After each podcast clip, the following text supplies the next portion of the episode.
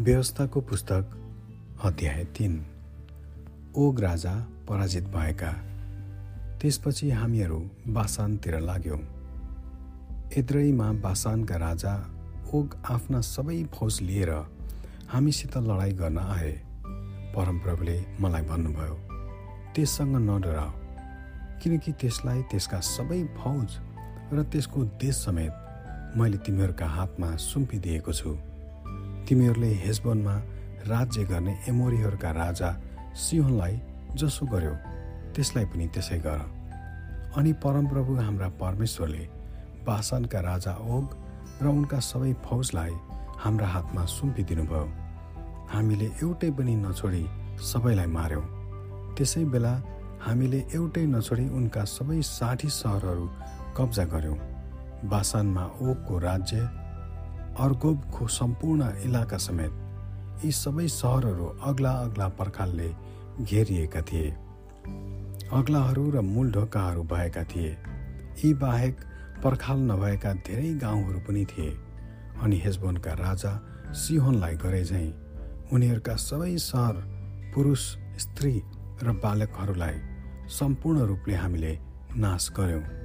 तर सबै गाईबस्तु र सहरका धनमालहरू हामीले जितका सम्पत्ति स्वरूप आफ्नै निम्ति लग्यौँ। हामीले त्यसबेला यी दुई एमोरी राजाका हातबाट अर्नुन खोलादेखि हेब्रोनको डाँडासम्म एर्दनको पूर्वपट्टिको देश लियौँ। हेब्रोनलाई सिदोनीहरूले सिरिओन र एमोरीहरूले सेनिर भन्दछन्। तराईका जम्मै सहर र सबै गिलाद र सम्पूर्ण बासान बासानमा भएका ओकका राज्यका सलकार र एद्रै सहरहरूसम्मै हामीले लियौँ र पाइहरूमा बासानका राजा ओग मात्र जीवित थिए। उनको पलङ फलामको थियो। यो पलङ अझसम्म अम्मोनीहरूको सहर रबामा छ। हातको नाप अनुसार यो नौ हात लामो र चार हात चौडा थियो। देश विभाजित भएको।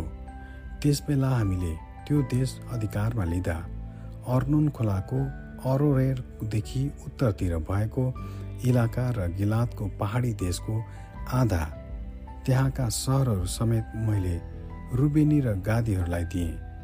गिलातको बाँकी भाग र ओगका राज्यको सम्पूर्ण बासान मैले मनुष्यको आधा कुललाई दिएँ। बासानमा भएको अर्गोबको सबै क्षेत्र रपाईहरूको देश भनिन्थ्यो। मनुष्यका सन्तान याइरले गसुरी र मालामातीहरूको सिमानासम्म आर्गोबको सबै इलाका लिए र त्यसलाई आफ्नै नाउँ दिए। यसैले आजसम्म पनि बासानलाई हब्बात याइर भनिन्छ। अनि मैले गिलातलाई चाहिँ माकिरलाई दिएँ तर मैले रुबेनी र गादीहरूलाई गिलातदेखि अर्नुन खोलासम्म खोलाको मध्यभाग त्यसको सिमाना थियो र अम्मोनीहरूको सिमाना एबोक नदीसम्म थिए। त्यसको पश्चिमी सिमाना अराबाको एर्दन किन्नरेतदेखि पिसगाको भिरमुनि रहेको अराबाको समुद्र अर्थात् खारा समुद्रसम्म थियो। त्यसबेला मैले तिमीहरूलाई यसो भनेर आज्ञा गरे परमप्रभु तिमीहरूका परमेश्वरले यो देश तिमीहरूलाई अधिकार गर्नलाई दिनुभएको छ। तापनि तिमीहरूमध्ये सबै योद्धाहरू हतियार भिरेर तिमीहरूका इजरायली दाजुभाइहरूका अघि जानुपर्छ। तर तिमीहरूका पत्नीहरू बालबच्चाहरू र पशुहरू मैले दिएका सहरहरूमा रहनेछन्। तिमीहरूका धेरै पशुहरू छन् भनी मलाई थाहा छ। परमप्रभुले तिमीहरूलाई झैँ तिमीहरूका दाई दाजुभाइहरूलाई विश्राम नदिएसम्म र तिनीहरूले पनि परमप्रभु तिमीहरूका परमेश्वरले एर्दन पारी तिनीहरूलाई दिनुभएको भूमि अधिकार नगरेसम्म तिमीहरूले यसो गर्नु। त्यसपछि मैले तिमीहरूको अधिकारमा दिएको देशमा हरेक मानिस फर्केर आउन सक्छ। मोसा एर्दन पारी जान मनाए। मैले त्यस बेला यहोसुलाई यस्तो आज्ञा दिए परमप्रभु तिमीहरूका परमेश्वरले यी दुई राजालाई जसो गर्नुभयो ती सबै तिमीले आफ्ना आँखाले देखेका छौ। अब तिमीहरू पारी जाँदा ती सबै राज्यहरूलाई पनि परमप्रभुले त्यसै गर्नुहुनेछ। उनीहरूदेखि नडराओ किनकि परमप्रभु तिमीहरूका परमेश्वर तिमीहरूका निम्ति लड्नुहुनेछ। अनि त्यस बेला मैले परमप्रभुलाई यसरी बिन्ती चढाएँ। हे परमप्रभु परमेश्वर तपाईँले आफ्नो दासलाई आफ्नो महानता र आफ्नो पराक्रम देखाउन लाग्नुभएको छ।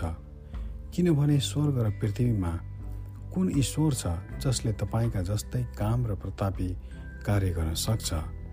मलाई पारी जान दिनुहोस् र एर्दन पारीको त्यो असल भूमि त्यो सुन्दर पहाडदेखि र लेबनान म देख्न पाऊँ।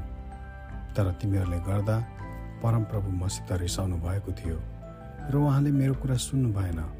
परमप्रभुले मलाई भन्नुभयो भयो अब यस विषयमा मसँग अरू कुरा नगर। पिसगाको टाकुरामा उक्ली अनि उत्तर दक्षिण पूर्व पश्चिम चारैतिर हेर।